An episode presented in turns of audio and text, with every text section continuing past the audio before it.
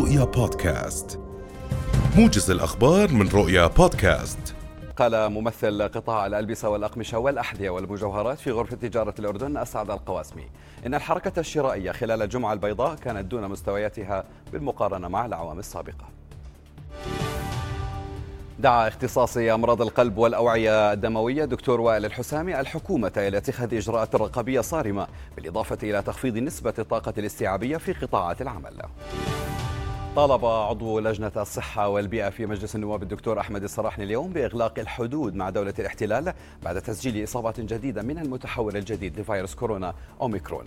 وأكد الصراحني في تصريح لرؤية أن هذا المتحور له خطر كبير على جميع دول العالم خاصة فيما يتعلق بسرعة الانتشار وأعراض الإصابة التي تعتبر أكبر من غيرها. وأوضح أن إغلاق الحدود مع الدول التي سجلت أعدادا كبيرة من المتحور الجديد أضحى لزاما بالإضافة إلى تشديد الإجراءات على الأفراد والمنشآت في الأردن اعتبرت دولة جنوب أفريقيا أن قرار بعض الدول تعليق السفر إليها بعد اكتشاف متحور أوميكرون غير مبرر.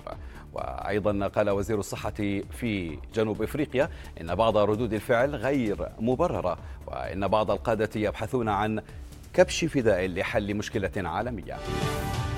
قال محافظ العاصمة ياسر العدوان إنه أو إنه تم اليوم الإفراج عن الموقوفين إثر وقفة دعت لها فعالياتنا الأسبوع الماضي. وأيضا في نفس السياق بين العدوان في تصريحات خاصة لرؤية أن عدد المفرج عنهم من الموقوفين بلغ 16 شخصا ويأتي قرار الإفراج بعد أن نفذ طلبة الجامعة الأردنية وقفة احتجاجية أمام مبنى رئاسة الجامعة يوم الأربعاء الماضي احتجاجا على اتفاقية المياه التي وقع الأردن وسلطات الاحتلال خطاب النوايا بشأنها. قدرت المؤسسة العامة للضمان الاجتماعي أعداد المؤمن عليهم الذين تم شمولهم بالمهن الخطرة بنحو 144 ألف شخص.